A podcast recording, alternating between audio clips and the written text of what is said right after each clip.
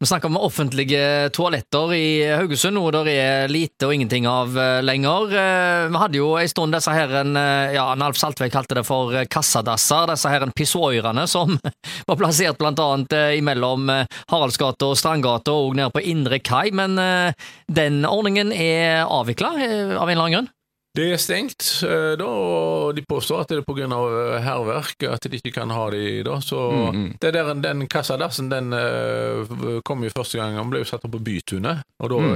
i år 2000. Og da ble det mye ramaskrik, fordi det passet ikke å ha han akkurat der i forhold til arkitektur og sånne ting. Så, det. så har han blitt flytta på seg, da. Men Dessverre så er det nå stengt, og eh, det er jo synd at vi ikke har det.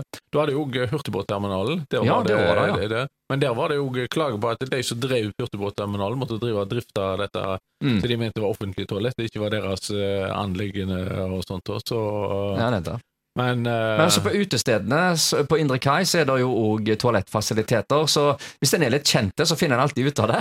Det gjør du. Så, eh, så kan du jo, hvis du er, er mørkt og du kan gå i, for deg sjøl, og iallfall hvis du er herre, da, så kan du jo, har du Smeasundet. Du kan eh, du har jo det. opphisse i Smeasundet. Ja, ja, ja. Så er det noen eh, busker hist og pist og noen parker og litt forskjellig. Ja, men det, det, er vel ikke lovlig. Det er, vel, nei, nei, nei. det er nok ikke lovlig å, å gjøre sånt.